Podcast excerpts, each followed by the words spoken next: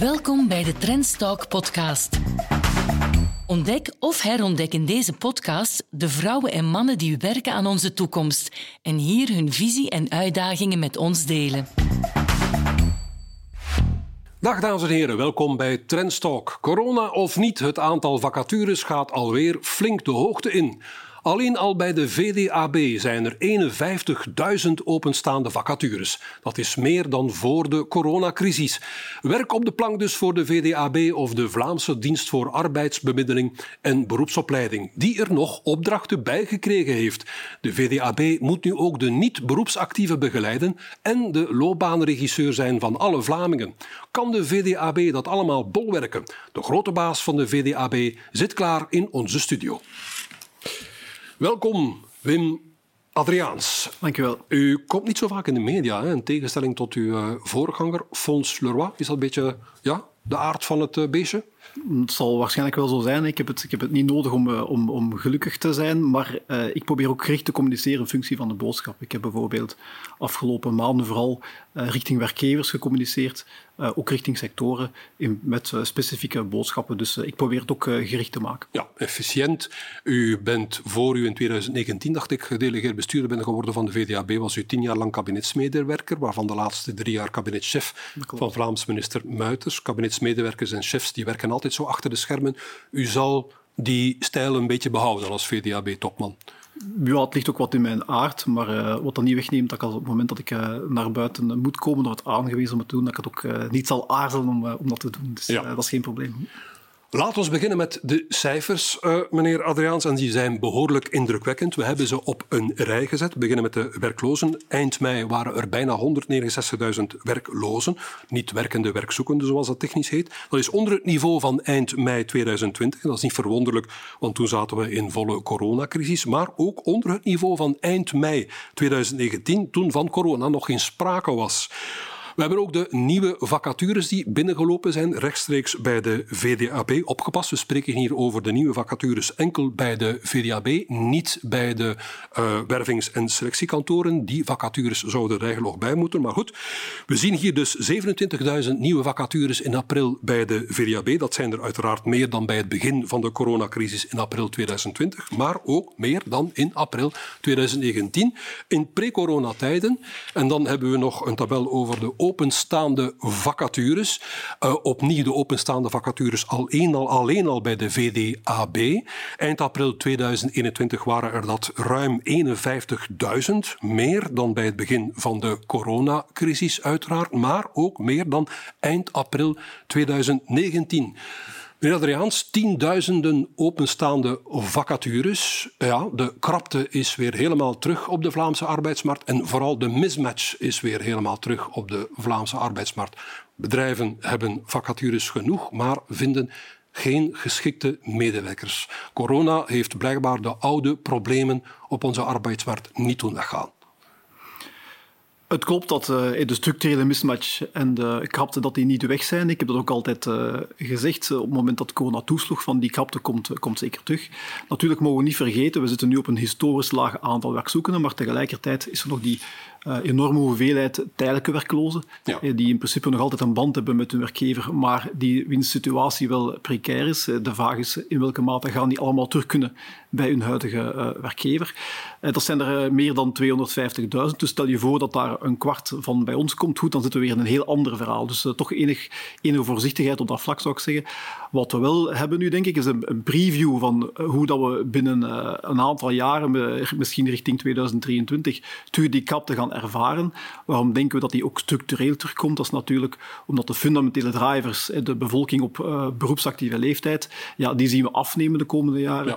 Ja. Uh, dus dat zijn zaken die ons natuurlijk terug naar die situatie duwen. U spreekt over de vergrijzing. Ik, ik heb hier, of het effect van de vergrijzing op de arbeidsmarkt. Ik heb hier cijfers van het steunpunt werk. Tussen nu, uh, door de uitstroom van oudere werknemers uit de arbeidsmarkt komen er tussen nu en 2029 een kleine 800.000 vervangingsvacatures. En er zijn al zoveel openstaande vacatures en er is de mismatch VDAB moet dus flink aan de bak, maar heeft er nog een aantal opdrachten bijgekregen uh, van de Vlaamse regering. Ik had het er al over in de intro, straks meer daarover, maar het gaat dus over de begeleiding van niet-beroepsactieven, het spelen van loopbaanregisseur voor alle Vlamingen, enzovoort, enzovoort. Ik hoop voor u, meneer Adriaans, dat u ook mensen en personeel, middelen en personeel hebt bijgekregen van de Vlaamse regering. Ja, ten eerste is het ook logisch dat die Vlaamse regering ook uh, ons vraagt om breder te gaan kijken. Je, uit de cijfers kan je duidelijk afleiden dat met die groep van huidige werklozen, eh, dat we uh, daarmee niet de, de, vacatures gaan kunnen invullen. Dat die werkzaamheidsgraad van 80%, die toch die grote beleidsdoelstelling is van de Vlaamse regering, dat we die daarmee niet gaan kunnen halen. Dus we moeten ook breder kijken, mensen proberen overtuigen om naar die arbeidsmarkt te komen. Dat zijn dan niet beroepsactieven. Maar ook om daar dan actief aan de slag te blijven, zolang mogelijk. En dan ga je naar dat loopbaanverhaal gaan kijken. Dus vandaar dat het ook heel logisch is dat die, dat die opdracht ook bij ons wordt gelegd. Ja, maar heb je ook meer middelen gekregen en meer personeel? We hebben nu eh, personeel, uh, dat zal zeker niet meer zijn. Integendeel, we moeten tegen het eind van de legislatuur uh, eh, 419 mensen uh, besparen. Dus dat stelt ons voor keuzes. Mm -hmm. Maar ook zonder die besparingsoefening zullen wij keuzes moeten maken. Om dan natuurlijk de, de, de, de omvang van die opdracht van die maat, dus dat je goed moet nadenken, waar zetten we onze eigen mensen op in? En wat gaan we bijvoorbeeld door partners laten doen die ook al aanwezig zijn in die, in die arbeid? Ik zeg maar harde keuzes, je zegt het zelf. Voor voor moeilijke gevallen als langdurig werklozen gaat u daar nog echt tijd voor hebben? Ja, zeker en vast. Maar we gaan kijken hoe dat we onze, onze middelen daar optimaal kunnen op inzetten en onze mensen. Wat doen we zelf bijvoorbeeld? De, dus de, de eerste taken in dat klantenproces die altijd terugkeren. Het mensen oriënteren, inschatten, het juiste traject kiezen. Daar zijn zaken waar wij zeggen, oké, daar kunnen we echt als neutrale overheidsspeler een heel goede rol voor die mensen spelen. Als we gaan kijken naar gespecialiseerde dienstverlening, intensieve dienstverlening, ja, dan doen we graag beroep op die expertise van zoveel partners die in ons landschap aanwezig zijn. Ja, ja. Dus uh, ik zie daar echt wel een mooie synergie. Samenwerking we gaan daar Absoluut. straks meer over zeggen. Nu, die begeleiding van niet-actieven, dat zijn dan bijvoorbeeld langdurig zieken, uh, leefloners. Hoe gaat u dat aanpakken? Dat zijn mensen die ja, per definitie niet werkzoekend zijn. Zij zoeken geen job. Is dat dan wel iets voor de VDAB? Ja, een eerste kwestie is natuurlijk om ze te overtuigen om te gaan werk zoeken, om een perspectief te bieden op die arbeidsmarkt. Dat is ook iets wat wij in onze missie naar voren schuiven. We zullen graag zoveel mogelijk mensen een loopbaanperspectief geven. Dus leren wij leren kijken naar die arbeidsmarkt als iets, dit is iets voor mij, hier kan ik aan, aan, aan deelnemen. Ja. Een tweede kwestie is natuurlijk, hoe kan je die mensen bereiken? En daar hebben we toch al wat ervaringen door onze samenwerking met bijvoorbeeld OCMW's, met het RISIF, waar dat we eigenlijk via die kanalen die die mensen kennen vanuit andere uh, situaties en problematieken, tot mensen tot bij ons kunnen brengen. En, en die een, samenwerking loopt goed. Samenwerking loopt super. En eenmaal men bij ons is, ja goed, dan zijn de vragen voor iedere persoon hetzelfde. Of je nu werkzoekend bent of niet beroepsactief. En wie ben ik, wat kan ik, wat wil ik, uh, wat zijn mijn mogelijkheden en wat zijn eventueel mijn drempels waar ik op stoot om naar die uh, job te gaan. Ja, nu komt dus wel goed. Die loopbaanregisseur voor alle Vlamingen. Wij moeten dus blijkbaar bij Utrecht, uh, als wij loopbaanadvies willen, er zijn miljoenen Vlamingen. Ziet u dat zitten? Ja, ook daar natuurlijk is al een heel landschap met, met uh, spelers die uitstekend uh, werk leveren. Ik zeg soms, 4 miljoen is natuurlijk veel. Ik zeg ook altijd intern om het wat scherp te zetten, we moeten onze blik verruimen van die 200.000 werkzoekenden naar niet 4 miljoen Vlamingen. Maar wat wij vooral proberen doen, is om mensen te laten loopbaan denken. Denken in het kader van hun loopbaan, oké, wat zijn mijn mogelijkheden, waar kan ik naartoe? Zodat men vermijdt in een toestand terecht te komen van werkloosheid, van een precaire jobsituatie, zoals tijdelijke werkloosheid of in, in opzeg. Dus vooral het perspectief geven, daar zien wij een rol voor onszelf.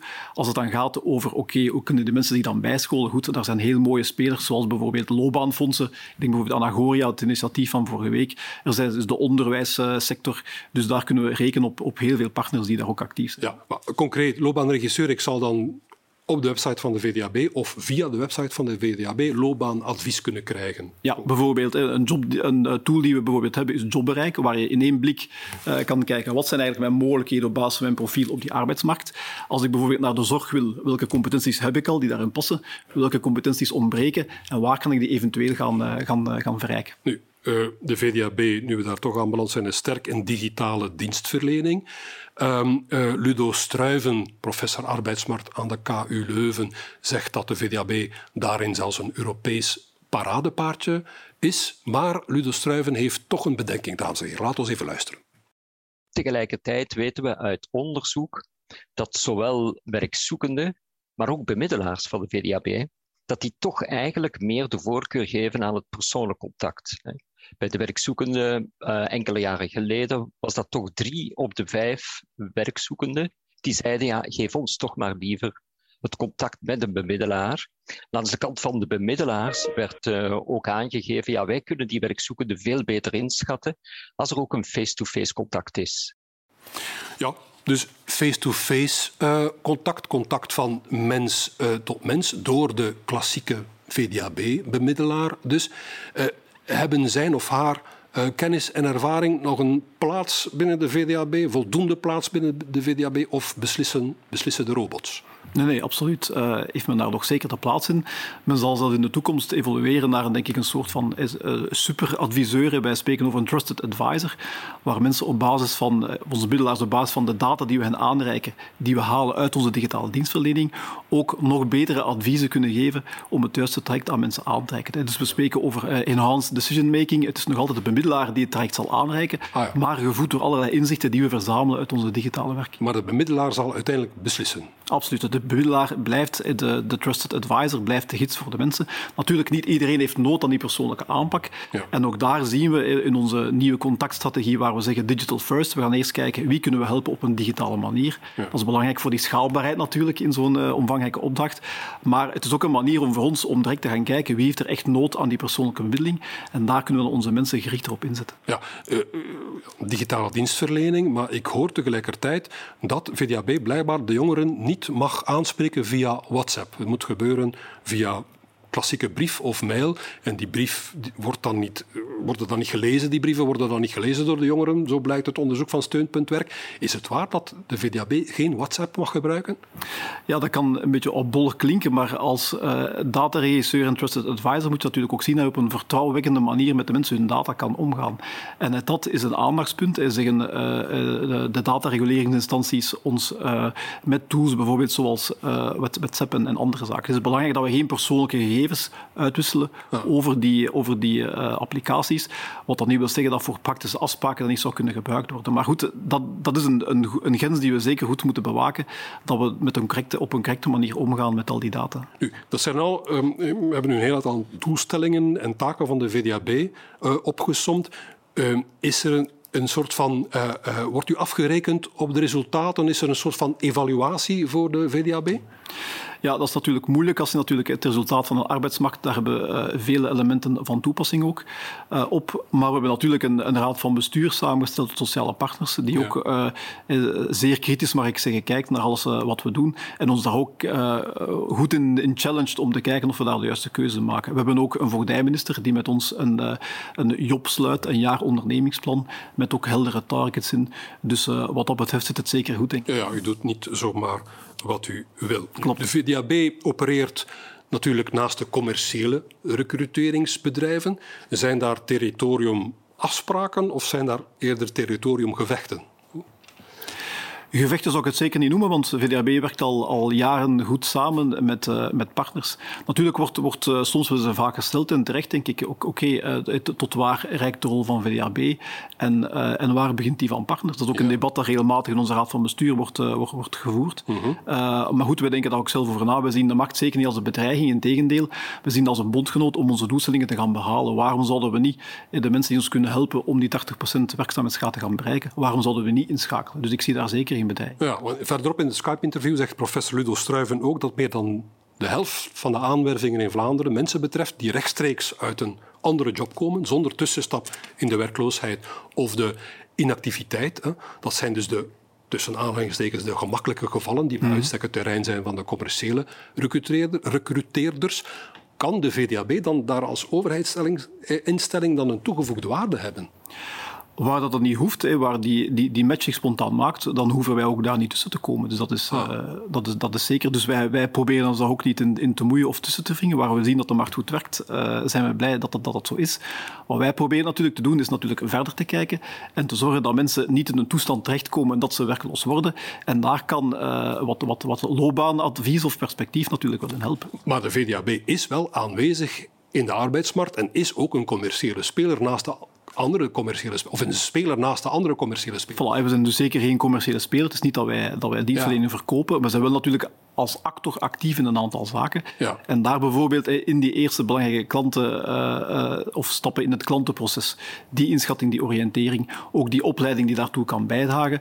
Als we ook zien dat de markt uh, geen, geen voldoende of, of, of evenwaardige oplossing kan bieden, dan stappen wij natuurlijk ook in. Maar wij maken altijd kritische reflectie. Oké, okay, kunnen we het aan anderen laten of is het iets dat we zelf moeten doen? Ja, maar um, zou de VDAB zich niet carrément moeten beperken tot de moeilijke gevallen? Of zegt u nee, de VDAB moet voeling houden met de hele arbeidsmarkt, met het hele terrein, want zo bouwen we kennis en ervaring op die we ook kunnen gebruiken om de kwetsbaardere groepen beter te bedienen.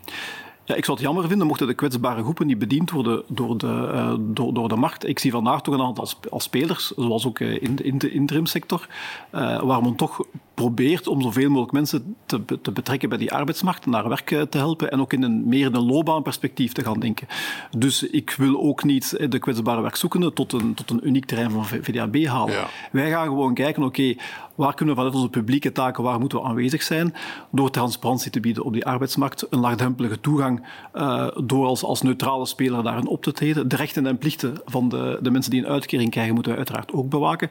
En voor de rest, waar onze partners, het ecosysteem, uh, de zaak goed kan oplossen, dan zijn we blij dat dat gebeurt. Professor Stuyven zegt ook in zijn Skype-interview, misschien kan de VDAB diensten aanbieden die voor commerciële recruteerders minder evident zijn. Bijvoorbeeld mensen, werknemers die door de snelle evolutie van de technologie niet meer goed mee kunnen en waarvoor elders een oplossing moet gezocht worden.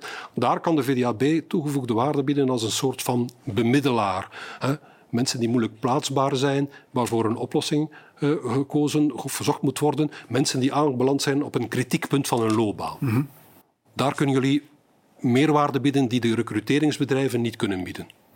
Ja, ik weet niet of de recruteringsbedrijven dat niet kunnen bieden, maar wij proberen altijd in te schatten als iemand voor ons zit bij een bemiddelaar, oké, okay, uh, wat is de, het, de, ambitie van die persoon? Wat kan die? Wat zijn eventuele drempels? En is die ambitie wel realistisch in functie van de arbeidsmarkt? En dus wij proberen zien dat iemand gelanceerd is, eventueel naar een partner. Ja. En waar dat zonder ons advies kan, des te beter. Maar we staan klaar als dat nodig is. Ja, nu, de recruteringsbedrijven hebben blijkbaar geen probleem met de VDAB als concurrent op de arbeidsmarkt, als actor, als commerciële actor op, uh, op de arbeidsmarkt, zoals zij dat noemen. Maar de VDAB is ook regisseur, moet ook regisseur zijn van de arbeidsmarkt. En in die rol ja, schrijft de uh, VDAB uitbestedingen uit, schrijft tenders uit. En daar is blijkbaar een probleem mee. We luisteren even naar Jan de Nijs, dames en heren. Hij is arbeidsmarktspecialist van Randstad. Het groot probleem van de VDAB bestaat erin dat de organisatie zowel de regisseur is van de arbeidsmarkt, maar ook een actor is op de arbeidsmarkt. En puur bestuurlijk kom je dan in een moeilijke situatie, want je gaat inderdaad uitbesteden, je gaat tenderen uh, en je gaat bij wijze van spreken ook een stuk tenderen naar jezelf. Ja, dat, dat, dat klopt niet. Ja, Jan de Nijs zegt het niet met zoveel woorden, meneer Adriaans, maar hij bedoelt eigenlijk, de VDAB is hier tegelijkertijd rechter en partij. En dat kan niet. Nee, maar dat is ook niet het, uh, het geval. Hè. Je noemt het het groot probleem van VDAB, maar ik denk het is misschien het groot probleem van, van, van de Randstad, waar, waar hij voor spreekt. Alhoewel wij goede ervaring hebben met Randstad in, in, in, de, in de samenwerking. Uh, wij kijken vooral naar de complementariteit. Oké, okay, wat, wat, wat kan de markt aan, wat kan ja. men doen en waar moeten wij niet uh, tussenkomen? Het is niet ja. zo dat wij een tender uitschrijven, daar zelf op intekenen en dan zeggen, ah, wij zijn de beste, we gaan het voor onszelf nemen. dat is zeker niet het, het geval. Wij kijken gewoon, wat is er nodig? Wat kan de markt nemen en wat zijn de, de, de, de elementen of de scharniermomenten waar wij moeten aanwezig zijn? En dan denk ik echt aan die gidsrol waar wij mensen moeten kunnen adviseren. Wat is voor hen de beste weg om aan te pikken bij die arbeidsmarkt? Ja, nu, tenderen, u, de VDAB schrijft uh, uh, opdrachten uit, besteedt opdrachten uit. Kunt u daar eens een voorbeeld van geven? Wat besteedt u dan zo allemaal uit? Uh, bijvoorbeeld, eh, iets, iets wat we nu hebben op de markt gezet, is uh, een, een, tender voor jobhunting. waar wij, de bedoeling is dat voor mensen die misschien wat gebrek hebben aan zelfvertrouwen, die niet, niet zelf de weg vinden naar de arbeidsmarkt, dat wij private partners gaan onder de arm nemen om met hen de boer op te gaan bij werkgevers en hen proberen te verkopen, manier van spreken, om ook over die drempel te geraken, de arbeidsmarkt. Heel effectief voor 55-plussers bijvoorbeeld zou dat zijn. Dus dat zijn bijvoorbeeld zaken die wij dan in de, in de markt zetten. En welke soort bedrijven schrijven dan daarop in? Ja, dat zijn bijvoorbeeld de, de, de, de, de, de Randstadten, de, de SBS, maar er zijn ook, ook heel wat um, andere spelers. Bijvoorbeeld de, de Werkplekarchitecten is een, een bundeling van een aantal spelers uit de non-profit. En die leveren ook uitstekend werk. Dus er is echt een heel divers landschap aan spelers die daarop intekenen. En moet er dan geen onderscheid of zelfs een splitsing komen tussen VDAB als speler op de arbeidsmarkt en VDAB als de opdrachtuitbesteder? Moet er daar geen duidelijke splitsing komen? Dat is wel goed dat, dat, dat, daar helderheid over is. En dat is ook iets waar we nu met de Raad van Bestuur uh, aan aan het werken zijn en ook al, al lijnen ingetrokken hebben. Waar we zeggen, oké, okay, uh, uh, dit is het veld voor de partners. De, de intensieve en gespecialiseerde dienstverlening. Van, van zodra we kunnen verwijzen naar hen door. En waar wij onze gidsrol vooral in dat iteratieve, steeds terugkerende proces zien. Ja, nu, de VDAB biedt ook opleidingen aan. Er zijn vele instellingen in Vlaanderen die opleidingen aanbieden. En bij de mensen die opleidingen uh, uh, volgen, daar spelen blijkbaar grote Matthäus-effecten. Uitleg krijgen we van Sarah van Steenkisten. Zij, zij is hoofd van het steunpunt Werk aan de KU Leuven. We zien daarbij ook heel grote Matthäus-effecten. Dat betekent dat het net de sterkste profielen zijn die het vaakst gaan deelnemen aan opleiding en die ook um, het meest opleiding aangeboden krijgen. Terwijl we zien dat degenen die het meeste nood hebben aan opleiding, um, het minst die opleiding gaan volgen um, en het ook minst de kansen krijgen om aan opleiding deel te nemen. Ja, mevrouw Van Steenkist zegt dus, ja, de, de mensen die het meest een opleiding kunnen gebruiken, volgen de opleiding het minst of krijgen er de kans niet toe. Eh, is, zit, zit daar een rol voor de VDAB? Ik denk zeker vanuit loopbaanperspectief, vanuit uh, waar wij mensen proberen bij te brengen van let op, dit zijn de evoluties op de arbeidsmarkt. En uh, om je eigen toestand te verbeteren op die arbeidsmarkt, zou het misschien best zijn dat je die en die weg opgaat of die opleiding geeft. Dan zie ik zeker wel een rol voor ons om dat advies te geven. Een rol voor ons om die opleidingen zelf te gaan geven. Daar opnieuw is een heel sterk landschap aanwezig, uh, zowel privaat als publiek, uh, waar wij graag naar doorverwijzen om die mensen ook die opleidingskansen te, te, laten nemen. Ja, maar dat, dat, is ook weer, daar hebben we het weer. Dus de, in het Skype-interview verderop zegt mevrouw Wassinkist ook, het opleidingsaanbod in Vlaanderen is zeer versnipperd. De mensen lopen er eigenlijk verloren in. Uh, is het ook niet de taak van de VDAB om het overzicht te brengen en om de mensen via een digitaal platform bijvoorbeeld wegwijs te maken uh, naar de meest geschikte opleiding? Wel, uh, opleidingssuggesties en, en, mogelijke wegen om die competentiekloof te dichten, dat willen wij uiteraard bieden. Wat denk ik een stap zou te ver zijn voor ons, is dat wij de beheerder worden, bij manier van spreken, van die opleidingswereld, dat wij daar kwaliteitsoordelen moeten gaan overvellen, dat wij een exhaustief overzicht zouden moeten, moeten geven. Waarom zou, dat te veel, waarom zou dat te veel gevraagd zijn? Dat zie ik uh, uh, toch, toch, toch te ver. Dat lijkt me ons buiten onze verantwoordelijkheid. Waar wij voor ons aanknopingspunt in zien, is uh, wat kan helpen voor die loopbaan en wat kan iemand helpen om zijn jobdoelwit te gaan bereiken en wat zijn eventuele stappen die hij daar kan inzetten. En daar dragen we graag toe bij. Ja. Het kernprobleem, uh, uh, zegt mevrouw van Steenkisten ook, is dat de vele aanbieders van opleidingen elkaar als concurrenten, te veel als concurrenten zien. Wat is de rol van de VDAB daarin? Samenwerken of concurreren ook in die, opleidings, in, in die opleidingswereld? Ik denk concurrentie is, is, is goed, is geen slechte zaak. Dat houdt, uh, dat uh, de, het landschap scherp. En er is inderdaad een heel divers landschap. Ik denk dat we daar blij moeten over zijn dat er zoveel aanbod is. Uh, wat wij proberen doen is te kijken, zijn er hiaten bijvoorbeeld? Zijn er hiaten in, in die opleidingsmarkt? En kunnen we dan partners aanspreken om een bepaald aanbod te gaan, te gaan voorzien? Dus daar, daar spelen wij wel een belangrijke rol in. Um, maar voor de rest denk ik is het al anders. Is een Vlaams partnerschap levenslang leren dat daar rollen zou kunnen opnemen om dat landschap te gaan organiseren. Dus dat zien we, dat zien we toch niet bij ons. Maar als ik u goed begrijp, een echte regisseursrol van het opleidingslandschap in Vlaanderen, dat ziet hij niet echt zitten. Ik denk dat we, we hebben al veel regisseursrollen gekregen van de Vlaamse overheid. We zijn er ook zeer dankbaar voor en we gaan er met enthousiasme daar proberen in groeien. Maar die bijkomende rol, dat, dat hoeft voor mij niet. Dat is genoteerd. Nu, wat brengt de toekomst? Mensen zeggen de toekomst dat is Google of de toekomst dat is LinkedIn. Uh, trouwens, in zijn Skype-interview zegt uh, Jan de Nijs dat uh, één op zes mensen een job vinden met de hulp van uh, Google. 1 op 6, dat is een marktaandeel van bijna, 17, bijna 17 procent. Ligt u daar wakker van, meneer Adriaans? Zeker niet. Eh, ook daar opnieuw, wij werken graag samen met partners die onze doelstelling kunnen helpen bereiken. Eh, in het verleden waren dat eh, de Randstad, in de toekomst zal dat meer Google en LinkedIn zijn, dergelijke. Dus wij werken ook al vandaag al samen met Google. Waarom zouden we dat niet doen? Als de vacatures van onze werkgevers via Google een groter bereik kunnen krijgen, waarom zouden we die optie niet gaan, niet gaan benutten? Dus ik zie daar zeker geen bedreiging in. Wat dan niet wil zeggen dat we vanuit onze publieke taak ook geen alternatief moeten bieden. Bijvoorbeeld eh, waar die laagdrempelige opstap van belang is, waar die neutrale rol van belang is. Dus er zal ook altijd een VDAB-platform zijn, maar is zeker, we zien zeker geen bedreiging in, uh, in Google en LinkedIn. Ja, wat opvalt, Google is een machtig bedrijf. Uh, LinkedIn, dan spreken we over Microsoft. LinkedIn is eigenlijk nog maar Microsoft. Ook een machtig bedrijf. Dat zijn eigenlijk spelers waarop je per definitie weinig controle hebt. En het is ironisch, zegt uh, Jan de Nijs ook in zijn Skype-interview verderop, dat toen uh, de commerciële recruteringsbedrijven in de jaren 80 en 90 op de Vlaamse markt kwamen, was er grote roep om controle en regulering. Nu komt Big Tech op de arbeidsbemiddelingsmarkt. Big Tech is per definitie veel, veel machtiger dan de commerciële recruteringsbedrijven destijds. Maar blijkbaar is dat nu geen issue. Dat zou ik niet durven zeggen. Er is ook regulering, maar die is meer op Europees niveau. Omdat je natuurlijk zo'n speler ook niet op een nationaal niveau kan gaan, kan handhaven. Dus uh, dat daar in de regulering zit, naar datagebruik en dergelijke, dat zou ik zeker niet, uh, niet, niet durven zeggen. Het zit gewoon op een ander niveau. Ja. Maar u denkt niet dat de VDAB binnen, ik zeg maar zoiets vijf of tien jaar, of eventueel ook de commerciële recruteringsbedrijven, weggedrumd zullen zijn door Big Tech. Ik denk, als we weggedumpt worden door Big Tech en die, uh, die slagen op een performante manier die matching te doen, dan gaan we blij zijn omdat het ons gaat helpen om die doelstelling te gaan bereiken. En dan zullen wij zeker andere terreinen vinden waar we nog een meerwaarde kunnen bieden. Dus ik zie het zeker niet als een bedreiging.